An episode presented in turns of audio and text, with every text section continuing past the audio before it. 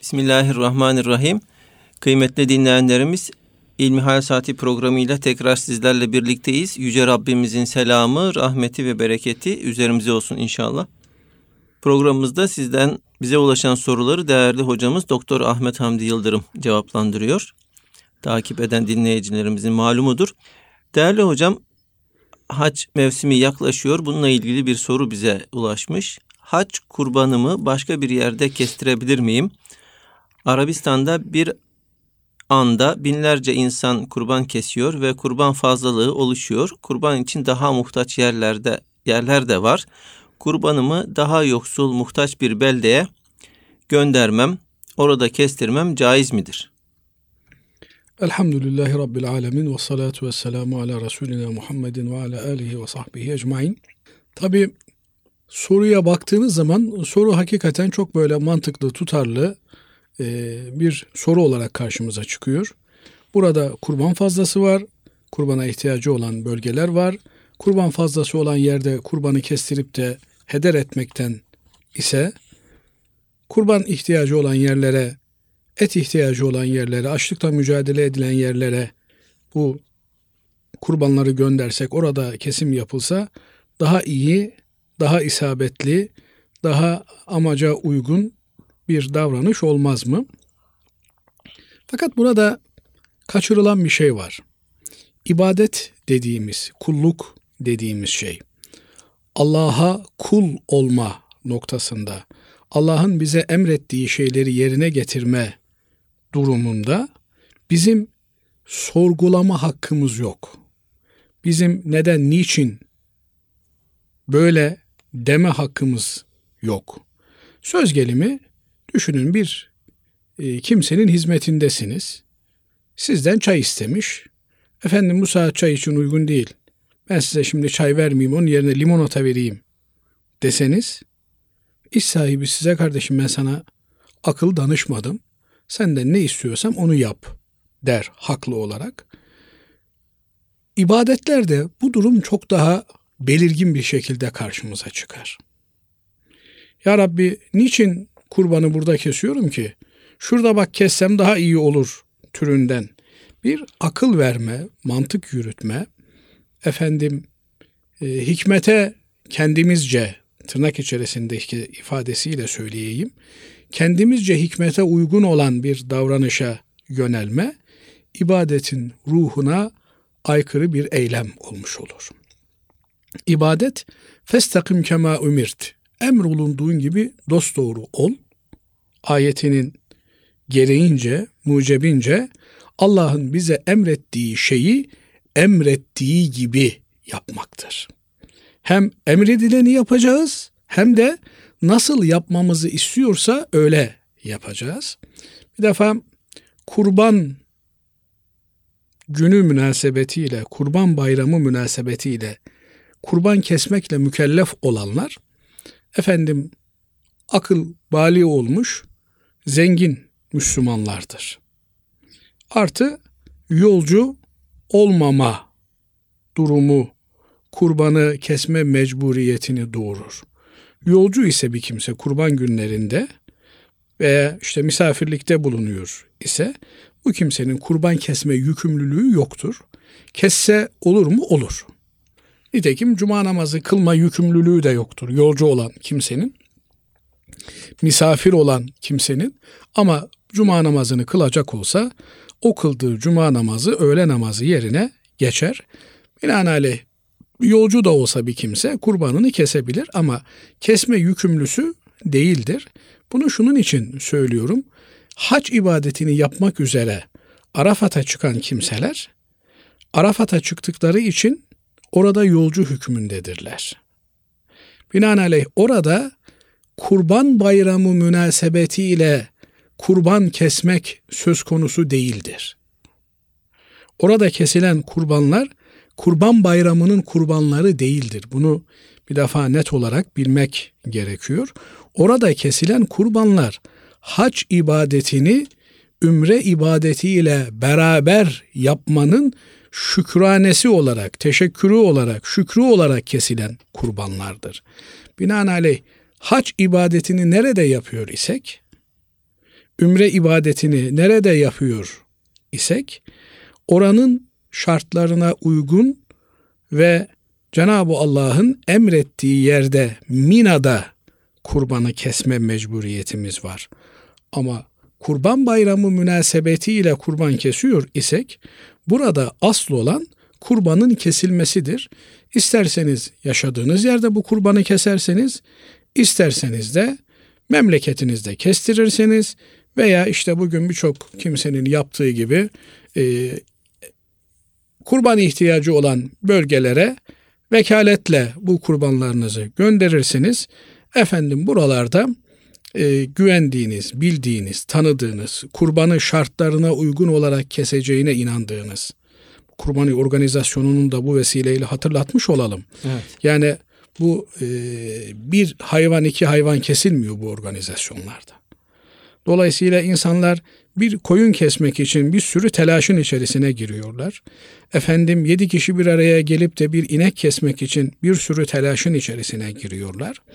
Bu gibi noktalarda ister istemez e, tecrübenin ve bu işi yapabilme kapasitesinin ve kabiliyetinin yerinde olması gerekir.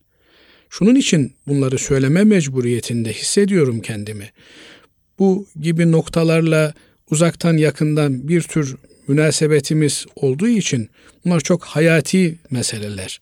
Yani mesela bakıyorsunuz herkes yurt dışı kurban için hisse topluyor, biz orada kesiyoruz diyor. Bin tane hisse alıyor, bilmediği bir ülkeye gidiyor. O ülkede ilk defa gittiği, belki dilini de bilmediği bir ülkede hayvan seçecek, o hayvanları kesecek, kestirecek, ondan sonra dağıtımını yapacak.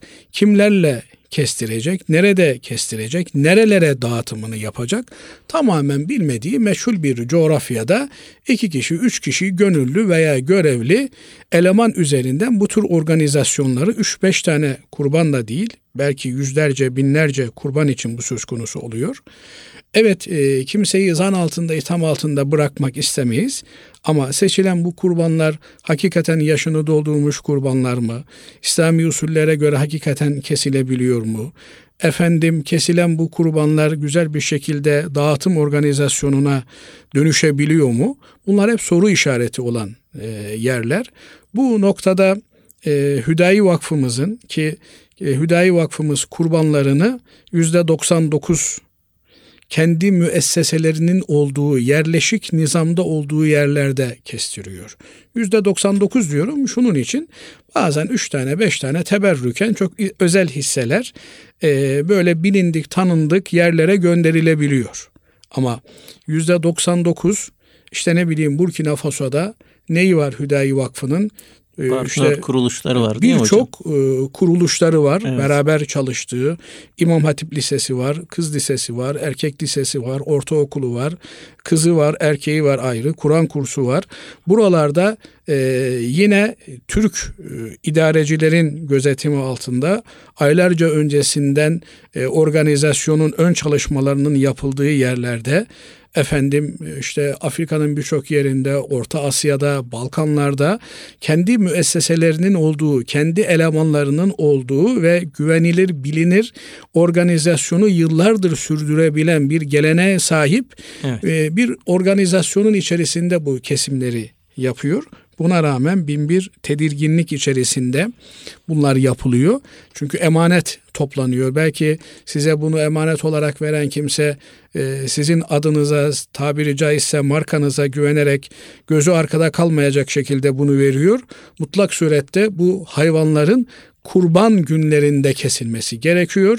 Kesilmekle de kalmayıp bunların hakikaten amaca e, yönelik olarak dağıtımlarının evet. gerçekleşmesi gerekiyor. Burada belki sorulacak sorulardan bir tanesi Hocam de... şimdi e, ben araya girmek istiyorum. Tam anlaşılmadı. Şimdi dinleyicimiz diyor ki hani hac esnasında kesilen kurbandan bahsediyor. Şimdi bir kere bu hac esnasında kesilen kurban e, şükür kurbanı mı? Yani bunu her hacının kesmesi farz mıdır, vacip midir, sünnet midir, nedir? Bir kere bunu bu bir... kurban hedi kurbanı dediğimiz Yani Türkçe'ye belki hediye diye tabir edileceği, edebileceğimiz bir kurban. Biliyorsunuz üç tür haç ibadeti var.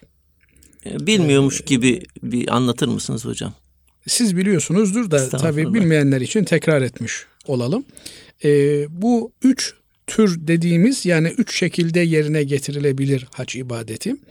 Bir temettu haccı dediğimiz genelde Türk hacılarımızın tabi oldukları e, hac türü temettu haccıdır. Evet. Hanefiler genelde temettu haccını tercih ederler.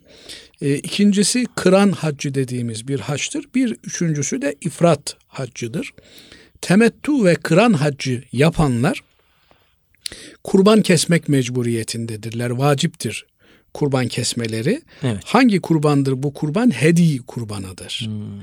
Bunun hikmeti, bunun e, sebebi hac ve ümre ibadetini beraber yapmanın şükranesi olarak ifade edilir. Ama bu şükür kurbanı değil. Evet. Bu hedi vacip kurbanıdır, yani. Bunun, vacip olan vacip, evet. kurbandır. Bunun Mina'da kesilmesi gerekir. Nedir temettu haccı? Efendim işte bugünlerde ülkemizden birçok İslam ülkesinden e, Mekke-i Mükerreme'ye hac niyetiyle yolculuklar başladı. Kafileler evet. birer birer gidiyor. E, Mekke-i Mükerreme'ye giden hacılarımız e, mikat mahalli dediğimiz sınır noktasına gelmeden, e, mikata gelmeden ihrama giriyorlar. Evet. Burada ihrama girmek ile ihram elbisesini giymek birbirinden farklı şeyler. Bunu da ayırt etmek gerekiyor. İhrama girmek meselesi artık o noktada ümre yapmaya niyet ediyorlar. Ya Rabbi diyorlar, ümre yapmaya niyet ettim senin rızan için. Bunu bana kolay kıl. Bu ibadetimi kabul buyur diye ihram elbisesini giyerek ha, o zaman ihrama bunu biraz açıklayalım oluyorlar. hocam. Misal olarak e, bir hacı adayı e, şeyde Türkiye havalimanında ihram elbisesini giymiş olabilir. Ama ihrama girmiş Ama değildir. ihrama girmiş değil. Ha, elbiseyi ha. giydi.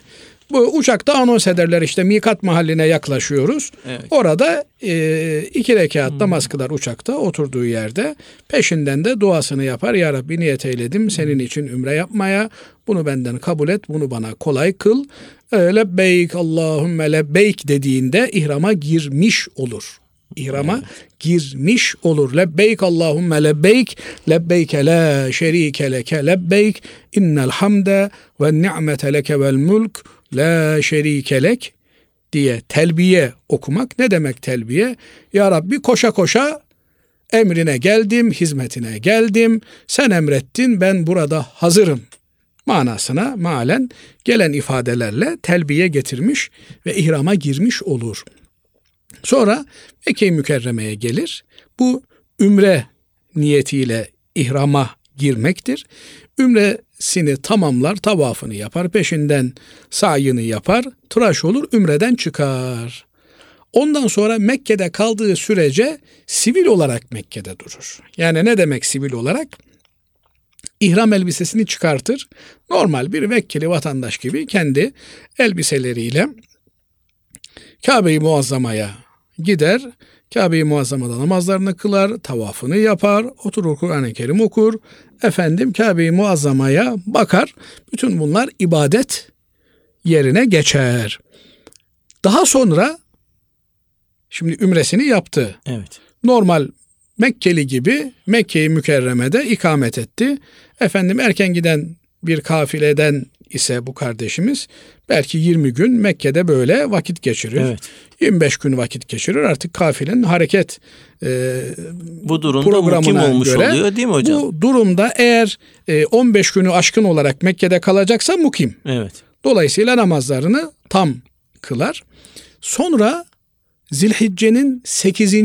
günü ki buna terviye günü deniyor. Arafat'tan Arafe gününden bir, bir gün, gün öncesine. Evet. Bu günde herkes bulunduğu yerde ihrama girer. Tekrar ihrama giriyoruz.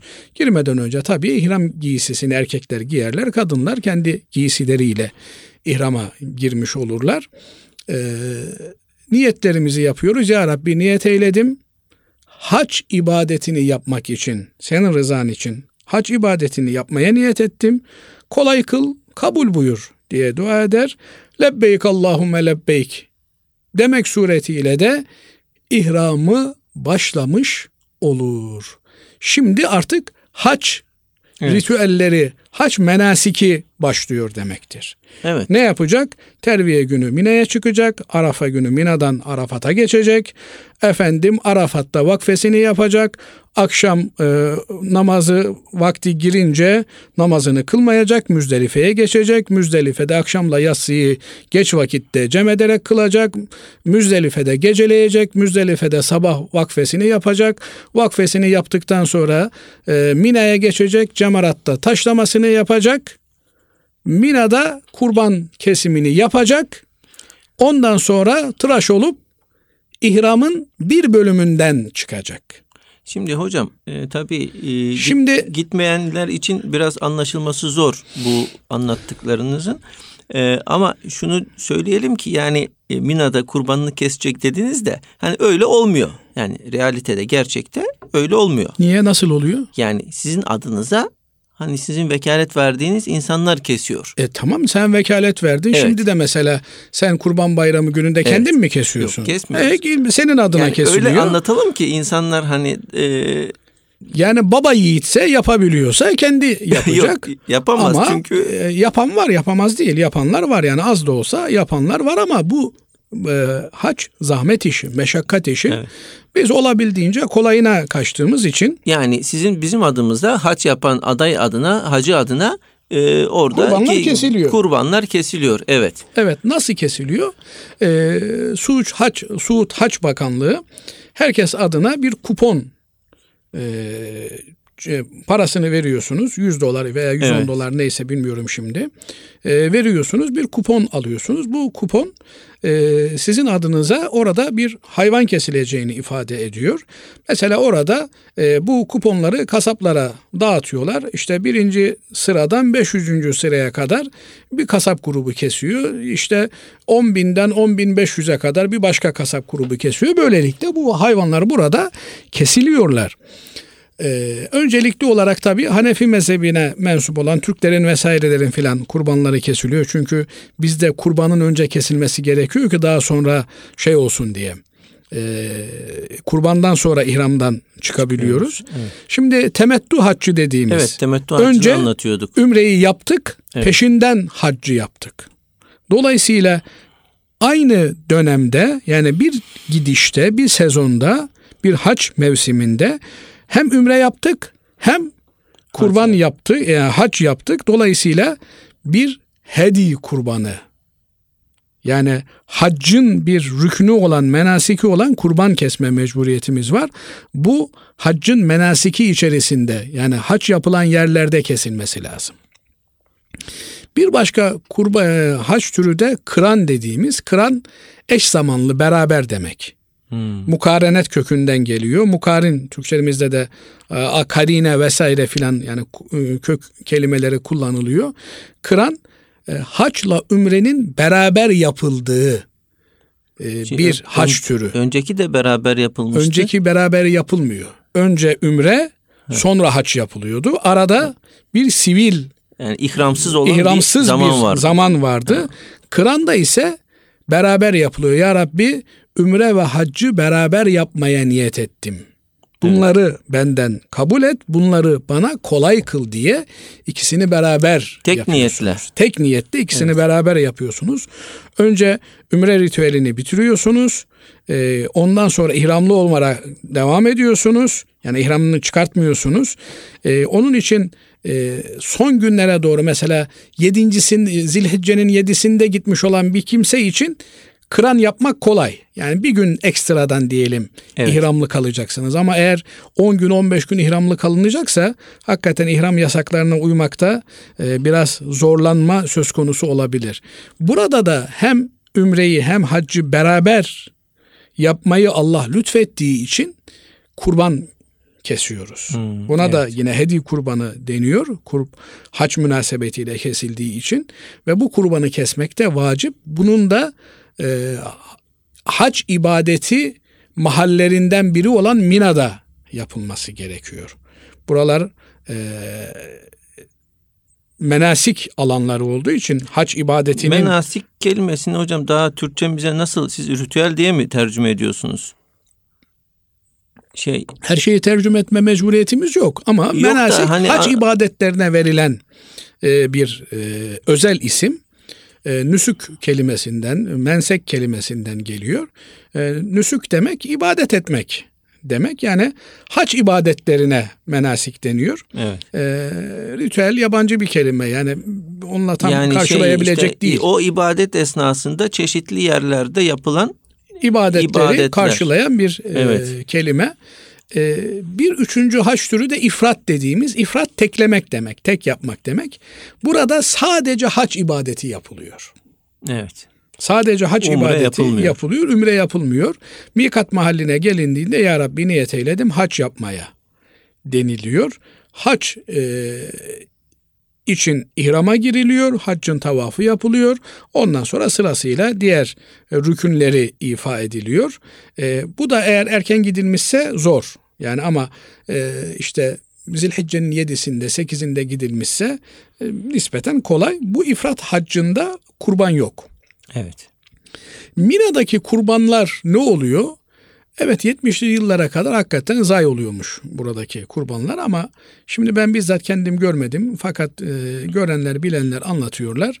E, şimdi hayvanlar kesilir kesilmez e, soğuk hava deposu ile donatılmış tırlara yükleniyorlar. E, orada e, kefenlenme ifadesini kullanıyorlar. Yani hayvanın derisi yüzülüyor e, efendim iç organları alınıyor, işkembesi vesairesi filan e, alınıyor. Deri gerisi karkas halde üzerine bir keten bez sarılıyor ve derin donduruculu araçlarla beraber e, iç bölgelere doğru sevk ediliyor. Dolayısıyla burada büyük e, fabrikalarda işlem görüyor. Daha sonra konserve olarak e, Afrika'da veya başka ihtiyaç olan bölgelerde e, İslam Kalkınma Bankası'nın başkanlığında, organizasyonunda dağıtımı gerçekleşiyor bu etlerin. Dolayısıyla pek öyle büyük bir e, zayiat olmuyor.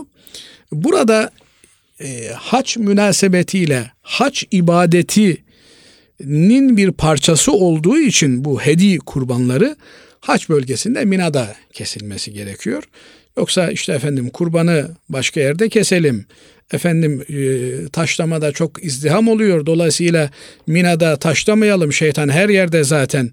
İşte gelelim başka bir yerde taşlayalım.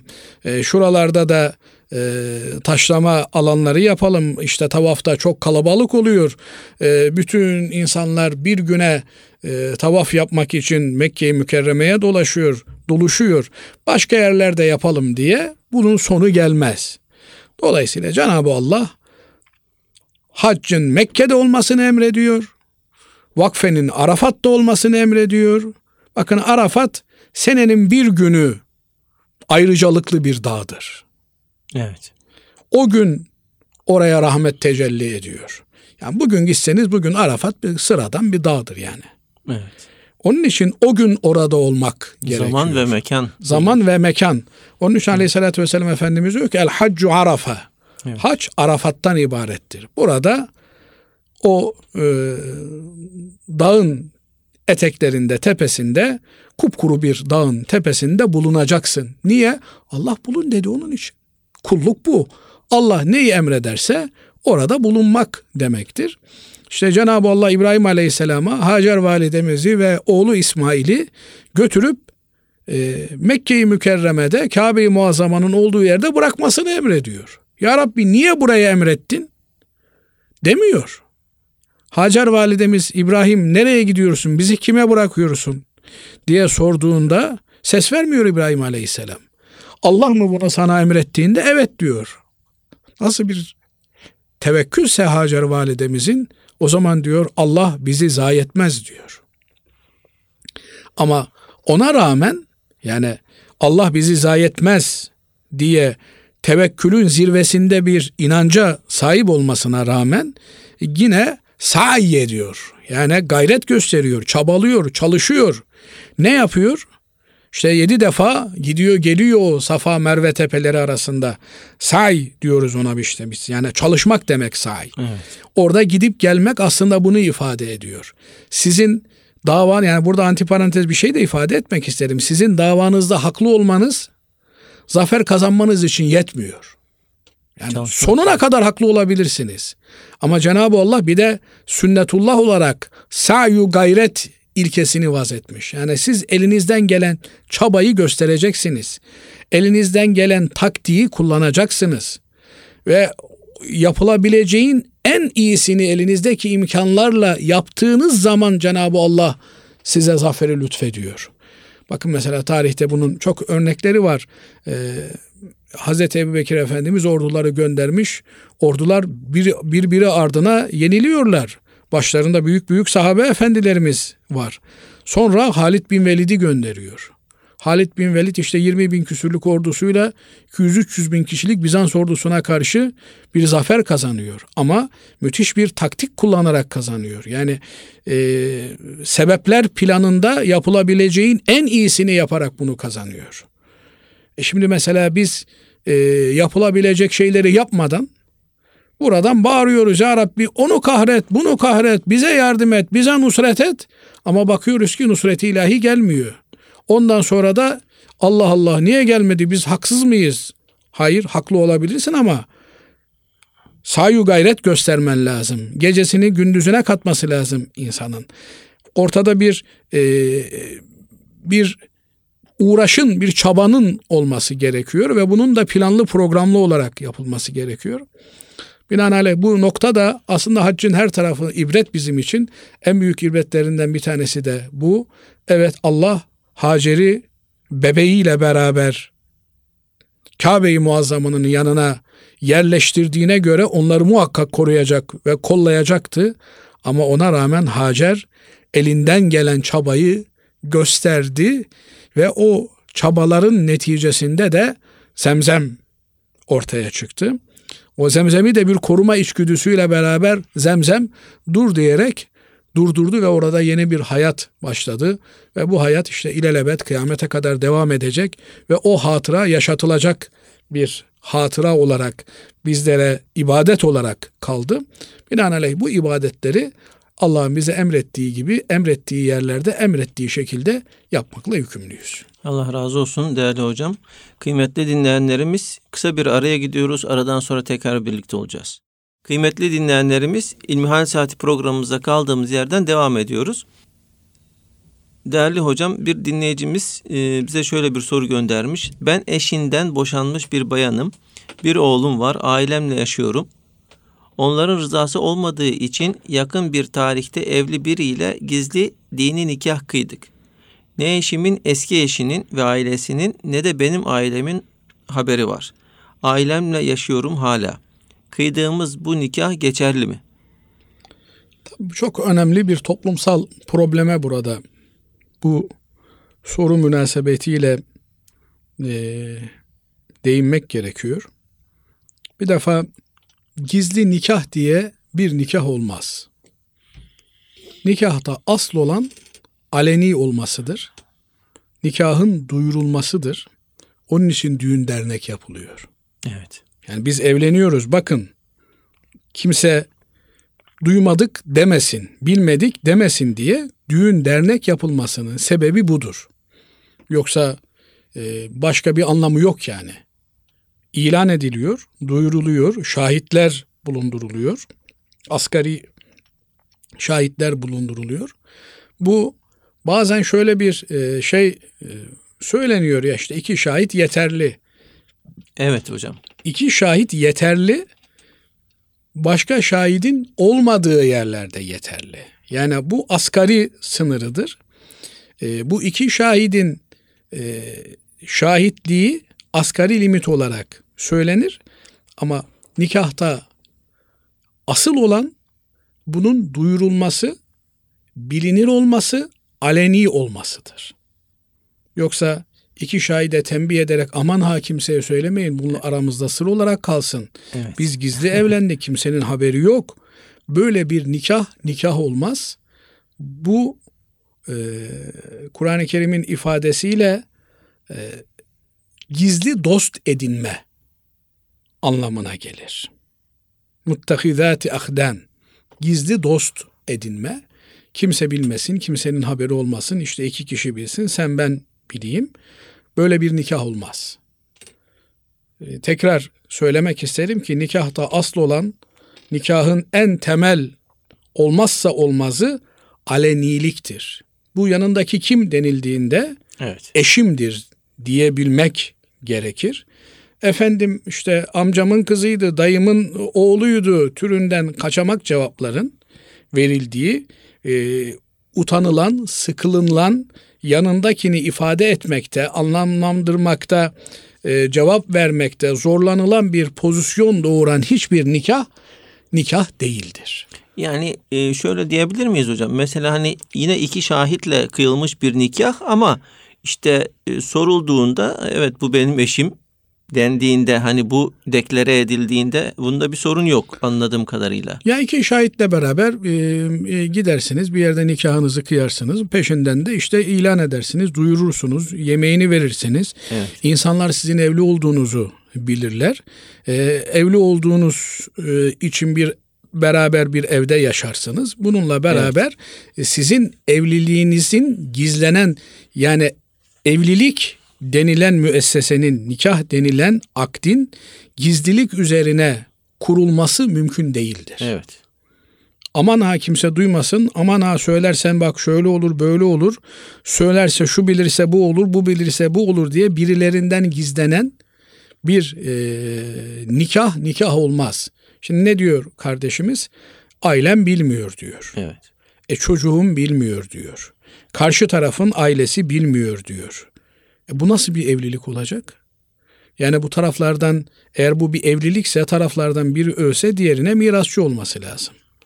E kimsenin bilmediği bunlar bir yerde görülse e, birileri diyecek işte filancı e, yabancı biriyle e, teşriki mesaide bulunmuş ona e, zanla bakacak vesaire filan. Dolayısıyla bunlar çok yanlış şeyler. Bu maalesef e, bir takım söylemlerin yanlış anlaşılması neticesinde de istismara açık olarak e, duyulan edilen bir e, nokta. Bu noktaya gelinmesinin temel sebeplerinden bir tanesi kardeşimizin de şikayet ettiği ailem razı değil. Çok yanlış bir şey. Bir insan on defada evlilik geçirebilir, yüz defada evlilik geçirebilir. Allah herkese tek eşle ömür boyu mutluluklar nasip etsin. Amin. Cenab-ı Allah bütün hepimizin aile hayatındaki mutluluğunu artırsın. Çünkü aileler ne kadar mutlu olurlarsa o kadar Allah'a kullukları da kıvam kazanmış, e, kalite kazanmış olur. Ama bir başarısız evlilik yaptı diye bir kadını veya bir erkeği ömür boyu cezalandırmak anlamına gelebilecek bir muamelenin içerisine koymak doğru değil. Cenab-ı Allah bunu yasaklıyor da e, velilerine özellikle de bayanların ailelerine onları hem eski eşleriyle evlenmeye hem de başka bir evlilik kurmaya yöneldiklerinde engellemeyiniz diyor. Binaenaleyh e, bir e, kadıncağız işte genç yaşlarda dul kalmış olabilir, kocası ölmüş olabilir, kocasından ayrılmış, boşanmış olabilir. Bunlar hayatın gerçekleri. Ee, evet istenmeyen şeylerdir, sevimsiz şeylerdir ama toplumda olabilecek şeylerdir. Binaenaleyh yine ailesinin bilgisiyle, ailesinin ön ayak olmasıyla e, ki bu noktalarda ön ayak olmak önemli. Çünkü Cenab-ı Allah e, evlenin demiyor da evlendirin diyor. İçinizdeki bekarları, yetimleri, dulları evlendirin diyor. Binaenaleyh burada bu evlendirin ifadesi bu işi yapabilecek olan, çöp çatanlık sanatını icra edebilecek olan kimselere yönelik bir emir olarak karşımıza çıkıyor. Bu da çok önemli bir e, hizmettir, bir ibadettir. Hakikaten tarafları tanıyorsa biri buluşmalarına, görüşmelerine, birbirlerini tanımalarına fırsat açısından önemli bir hizmet Tam da burada hocam e, başka bir soru e, yine bu mealde bize gelmiş. Evlilik öncesi görüşme ve telefonlaşmada ölçü nedir? Tarafların birbirini tanıması nasıl olacak, olmalıdır? Şimdi bu da çok önemli bir nokta. Hakikaten insanların birbirlerini tanımaları gerekiyor. Birbirlerini fiziken e, tanımaları gerekiyor. Ruhen tanımaları gerekiyor. E, aklen tanımaları gerekiyor. Çünkü bir hayat devam edecek. Bir müddet sonra bakıyorsunuz insanlar e, fiziken birbirlerini beğeniyorlar ama ruhen bir insicam olmuyor aralarında. Veya aklen e, bir uyum söz konusu olmuyor. Bu bir takım ayrışmalara neden olabiliyor.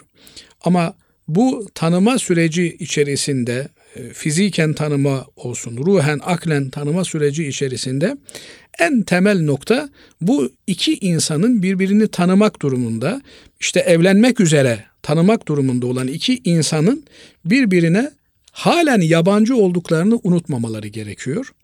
Binaenaleyh bu yabancı standartları içerisinde bir görüşme yapılması gerekiyor. Yani ortada verilmiş bir karar yok. Bir karar verme aşaması var. Her an lehte veya aleyhte bir karar verilebilir. Bu karar aleyhte olacakmış gibi temkinli olmak, tedbirli olmak, dikkatli olmak gerekiyor. Bunun için mesela e, yalnız bir mekanda baş başa bulunmaları doğru değil. Eğer e, birbirleriyle e, fiziken görüşmeleri gerekiyorsa, birbirlerinin yüzünü vesairesini filan görmeleri gerekiyorsa ki muhakkak gerekiyor. Hazreti Peygamber aleyhissalatü vesselam Efendimiz e, evleneceğin kişiye bak diyor. Bu aranızdaki muhabbetin kalıcı olmasına vesile olur diyor. Bunun muhakkak bir üçüncü kişinin olduğu bir ortamda, başkalarının, yabancıların olduğu bir ortamda gerçekleşmesi gerekiyor. E, çünkü iki e, ayrı cinsten insanın yalnız kaldığı bir ortamda e, şeytan bulunur. Yani e, ateş vardır, cehennem vardır. E, dikkat edilmesi gerekir. Böyle bir pozisyona düşmemek gerekir. Bu iki yabancı unsur veya iki birbirine yabancı insan olduklarını unutmadıkları sürece konuşmalarında bir beis yoktur. Yazışmalarında bir beis yoktur. Ama bu ölçünün kaybedilmemesi gerekir. Eğer bu ölçü e, affedersiniz canımlı cicimli noktaya gidiyorsa tehlike başlamış demektir. Niye? Çünkü canım cicim noktası evlilikten sonra gerçekleşecek bir noktadır. O noktaya kadar iki yabancı olduklarını unutmadan ve yabancı insanlarla e, izlenilen yolun veya işte dikkat edilen endişelerin e, göz önünde bulundurulduğu standartların burada da geçerli olduğunu bilmek gerekiyor. Şu kadar var ki işte iki yabancı insandan bir farkları e, iki yabancı insan birbiriyle bir ihtiyaç münasebetiyle konuşur. Burada evlilik ihtiyacı münasebetiyle bir görüşme vardır. Bu biraz daha toleranslıdır. Yani ikinci, üçüncü, dördüncü, beşinci, onuncu görüşmede olabilir. Ama bunlar hep dediğimiz çerçevede olmak durumundadır. Bir başka mesele de bir tane nikah vardır. Allah'ın tanıdığı, bildiği e, ve işte Kur'an-ı Kerim'in onlar yani kadınlar sizden mithakan galiza güçlü, kuvvetli bir söz almışlardır Allah adına diye Cenab-ı Allah'ın kabul ettiği, tanıdığı e, ve haram olan bir ilişkinin o nikah münasebetiyle helal hale geldiği bir akit vardır.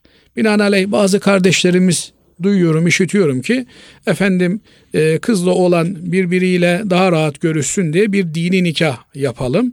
İşte e, böyle rahat görüştüren bir nikah modu değildir dini nikah. Bir tane nikah vardır. O dini nikahtır.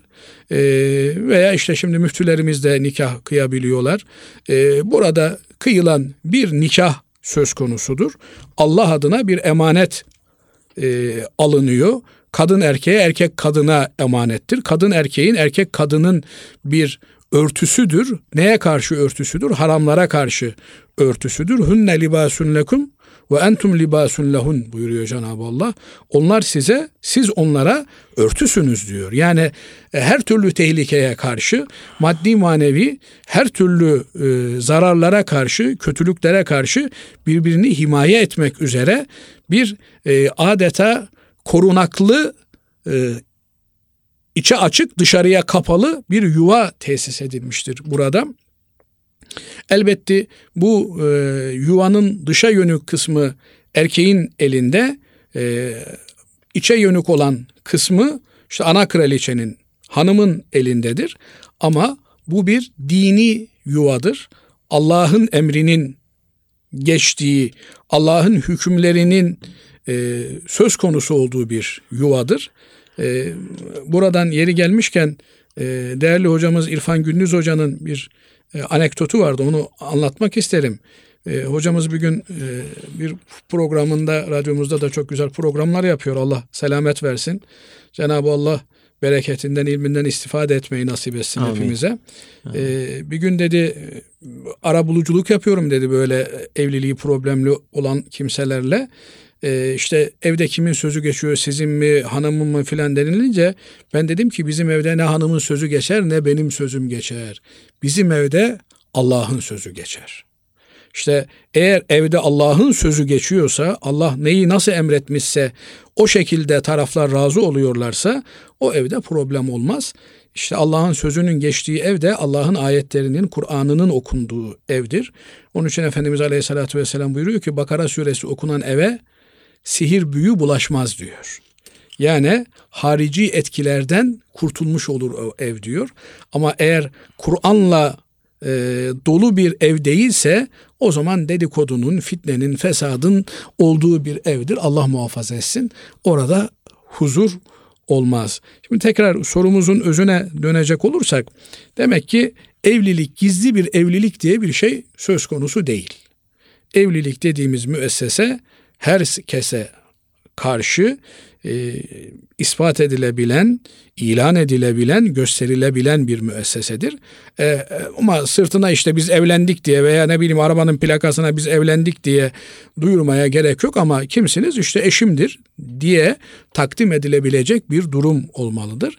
Nitekim Efendimiz Aleyhisselatü Vesselam bir gün mescitte e, yanlış hatırlamıyorsam Safiye validemizle e, otururken iki sahabe efendimiz Hazreti Peygamber Efendimiz'e bir şey sormak için geliyorlar. Bakıyorlar ki bir hanımla beraber oturuyor. Rahatsız etmeyelim diyorlar. Efendimiz diyor ki gelin diyor. Bu anneniz Safiye'dir diyor veya o bu halde bir cümle kullanıyor.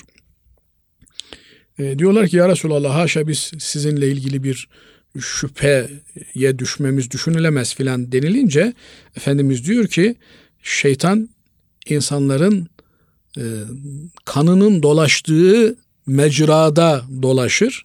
Dolayısıyla insanın aklına her türlü şeyi getirebilir. E, emin olun diyor bu benim hanımımdır diyor.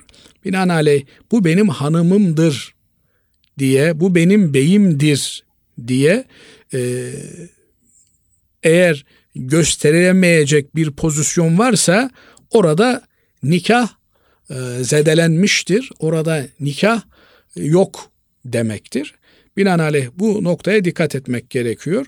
Bu kardeşimizin yapacağı şey bunu ilan etmek, deklare etmektir. Ailesine bildirmektir. Ve e, namusu dairesinde bir e, aile birlikteliğini tesis edebilecekleri bir eve geçmektir. Eğer çocuğunun üvey baba ile ilgili bir endişesi varsa ki olabilir, e, bu noktada çocuğunu ailesiyle beraber bırakabilir. İstediği zaman ailesinin yanında gelir çocuğunu görür ama e, bunun gizli kapaklı olması mümkün değil, doğru değil. Evet. Yine bize ulaşan diğer sorularla devam edelim. İradem çok zayıf. İrademi güçlendirmek için ne yapmalıyım? Namaz, diğer ibadetler harama bakma konusunda bir zaman kendimi koruyor ve dikkat ediyorum. Fakat çok kısa bir zaman sonra tekrar aynı günaha düşüyorum demiş dinleyicimiz. Evet yani e, irade meselesi hakikaten hepimizin e, bir zafiyet gösterdiğimiz noktadır. Onun için Cenab-ı Allah bize sadıklarla beraber olmamızı, salihlerle beraber olmamızı emrediyor. Yani eğer bir insanın iradesi zayıfsa o zaman iradesi güçlü olanlarla beraber olmalı.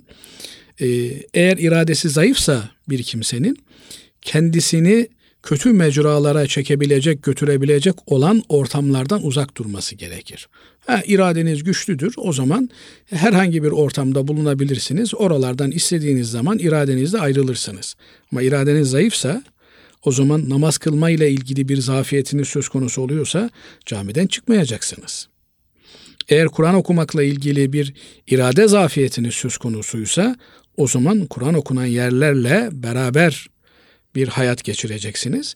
Onun için sadıklarla, salihlerle, iyi kimselerle, kaliteli Müslümanlarla beraber olmak, sizin iradenizi hayra yönlendirebilecek olan kimselerle beraber olmak önemlidir. Eğer siz iradesi zayıf, elinden tutulduğunda her istenilen yere götürülebilen bir kimse iseniz o zaman kötü arkadaşlarla beraber oturur kalkarsanız onlar sizi kötü yerlere götürürler. Kendi iradelerini size dikta ederler. Bunun için iradesi zayıfsa bir kimsenin mutlak surette iradesi hayırdan tarafa işleyen kimselerle beraber olunmalı. Onlarla oturup kalkılmalı. Böylelikle sizin iradeniz zayıf olsa da onların iradesi size baskın geleceğinden sizi götürecekleri yer cami olur, sizi götürecekleri yer Kur'an olur, sizi götürecekleri yer din, iman olur. Bu noktada öncelikli olarak yapılması gereken şey mutlak surette yakın çevresini iyi insanlardan oluşan bir çevre olarak edinmesi gerekiyor. Arkadaşlarına bakması gerekiyor. Kimlerle oturuyor, kalkıyor. Nitekim Efendimiz Aleyhisselatü Vesselam bundan sebep diyor ki kişi arkadaşının dini üzeredir diyor. El mer'u ala dini halilihi kişi arkadaşının dini üzeredir. Dolayısıyla kim kiminle arkadaşlık yaptığına dikkat etsin. Herkes kiminle arkadaşlık yaptığına dikkat etsin. Söyle bana arkadaşını, söyleyeyim sana kim olduğunu demişler. Hele de iradesi zayıf bir kimse ise mutlak surette e, İslam'ı güzel yaşayan, iyi yaşayan biriyle beraber olmak gerekir. Hani bu tasavvufi bir terim olarak söylenir. Şeyhi olmayanın şeyhi şeytandır diye. Bunun anlamı ne? Yani iradesi güçlü olmayan bir kimse eğer kendini hayra yönlendiremiyorsa o zaman şeytan onu ne yapar? Şerre yönlendirir. Ama eğer kendi iradesi zayıf fakat iradesini e, sağlam bir Müslümanın eline vermişse yani sağlam bir Müslümanın eline vermiş demekten maksadım işte e, kendi iradesini öldürmüş, yok etmiş anlamına değil. E, bu tür güzel insanlarla beraber olursa onların gideceği yere gider. Hani e, şöyle de bir söz vardır. Hacı hacıyı Arafat'ta bulur diye. Eğer işte tabirimi mazur görün hacılarla beraber oturur kalkarsanız gideceğiniz yer Arafat olur. Evet. Eğer başka birileriyle oturur kalkarsanız o zaman başka bir yerlere sizi sürüklerler. Binaenaleyh irade terbiyesi için öncelikle yapılması gereken şey e, arkadaş, eş seçimini iyi yapmak gerekiyor. Güzel insanlarla beraber olmak gerekiyor. Güzel ortamlarla beraber olmak gerekiyor. Kesinlikle yanlış ortamlara ve yanlış kimselere bulaşmamak gerekiyor. Evet. Diğer bir soru şöyle değerli hocam. İnsanlarda mutsuzluk, huzursuzluk, ruhi daraltılar çoğaldı. Sebebi manevi eksiklik olabilir mi? Elbette. Yani e, eğer biz kendimizi dinimizde barışık hale getiremezsek, eğer Allah'la güçlü bir bağ kuramazsak, bir kul olarak Cenab-ı Allah'a güzel kulluk yapamazsak, o zaman her şey bizi esir alır ve bizi esir alan madde, her şey bizi mutsuzluğa doğru götürür. Bugün bakın insanlığın Yalnız hocam ortak şöyle, paydası şöyle mutlu olmak. Bir şey var. Özür dilerim araya e, girdim. E, şimdi insan yani e, son zamanlarda işte geçenlerde şöyle bir söz duydum. Yani bir e, dükkancı bir abimizden. Yani e, namaz kılan ama aynı zamanda tiner de içen insanlar yani e, var şeklinde. Yani e, dinin e, formal yani pratiklerini namazdı işte oruçtu bunlar hani yapılıyor ama bunlar e, insana bir mutluluk vermiyor. E, onları belki eksik yapıldığı için e, vermiyor. Yani dinin o e, daha ziyade manevi tarafı, vicdan tarafı nasıl e, şey yapılacak, e, geliştirilecek? İşte yani böyle bir ilaç yok Basri Hocam. Hani evet. tiner çekiyor kendini mutlu hissediyor. Bir din ilacı olsa da bunu da içse kendini dine mutlu hissetse böyle bir ilaç yok. E, siz eczacılığı daha iyi bilirsiniz. Olsaydı herhalde siz de bilirdiniz. Binaenaleyh e, dini kaliteli yaşamanın, dinin insana mutluluk vermesinin yolu dini kaliteli yaşayan insanlarla birlik ve beraberlik içerisinde bulunmaktır. Çünkü e, mutluluk da sirayet edicidir, mutsuzluk da sirayet edicidir. Yani eğer siz mutlu, şen, şakrak bir insanla beraber oturur kalkarsanız o sizi güldürür, o sizin efendim e, mutluluğunuza mutluluk katar. Eğer bir üzüntünüz, bir kam kasvetiniz varsa onu dağıtır. Ama eğer mutsuz bir insanla beraber olursanız yani siz ne kadar o güne mutlu başlamış olursanız olun bir müddet sonra size de bir mutsuzluk bulaşır. Size de bir üzüntü, bir kam, bir kasvet, bir endişe e, duyguları kaplamaya başlar. Dolayısıyla en önemli şey e, sohbet dediğimiz yani insanın birlikte olduğu kimseleri seçmesidir. Az önce bir şey söylemeye çalışıyordum. Bütün insanlığın ortak paydası mutluluktur. Yani herkes mutlu olmak için uğraşır. Kimi e, çok büyük paralar elde ettiğinde mutlu olacağını zanneder. İşte milyar dolarlarım olursa mutlu olurum zanneder. Ama bakıyoruz ki milyar dolarları olan da mutlu olamıyor. Bugün işte dünyada e, milli gelirin en yüksek olduğu ülkelere baktığımız zaman, İskandinav ülkelerine baktığımız zaman en çok intihar vakalarının buralarda olduğu görülüyor. İşte dünyanın en gelişmiş ülkelerinden bir tanesi Japonya. En çok intihar vakaları Japonya'da oluyor. Diğer taraftan bakıyorsunuz dünyanın en fakir ülkeleri skalasında en başlarda gelen Burkina Faso gibi Afrika ülkelerinde insanlar mutlular. İnsanlar ümitliler. Ee, sokaklar çocuk e, sesleriyle dolu. Yani ben e, öyle birkaç seyahatimde dikkatimi çekti. İşte Japonya gibi ülkelerde insanların hep suratları asık kimse gülmüyor. Sokaklarda çocuk yok. Yani insanlar böyle kurulmuş birer robot gibi e, iradeleri başkalarına teslim edilmiş gibi dolaşıyorlar. Dolayısıyla mutluluk kavramı parayla elde edilmiyor. Kimi zannediyor ki işte e, işte filanla evlenirsem diyor, filanı elde edersem mutlu olurum diyor.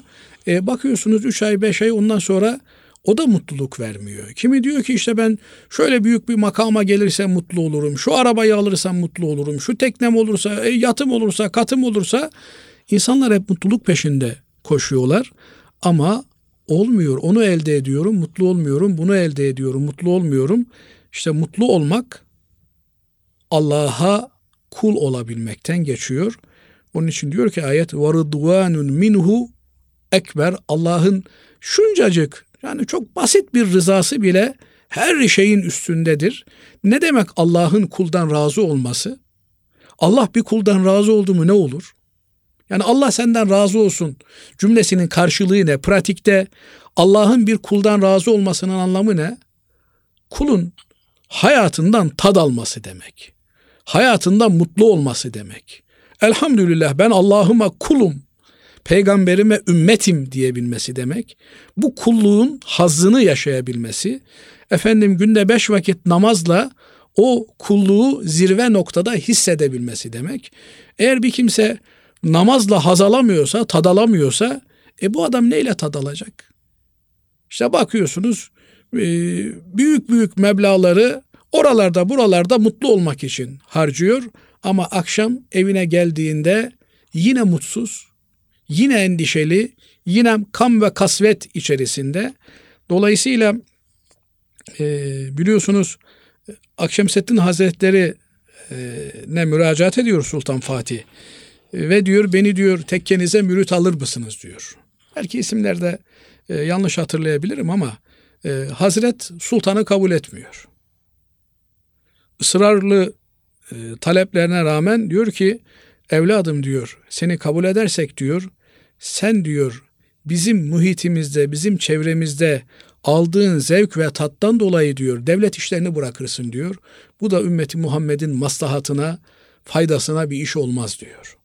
Demek ki yani öyle bir haz, öyle bir tat söz konusu ki Allah'a kul olabilmekte, bu kulluğu hakikat seviyesinde yaşayabilmekte.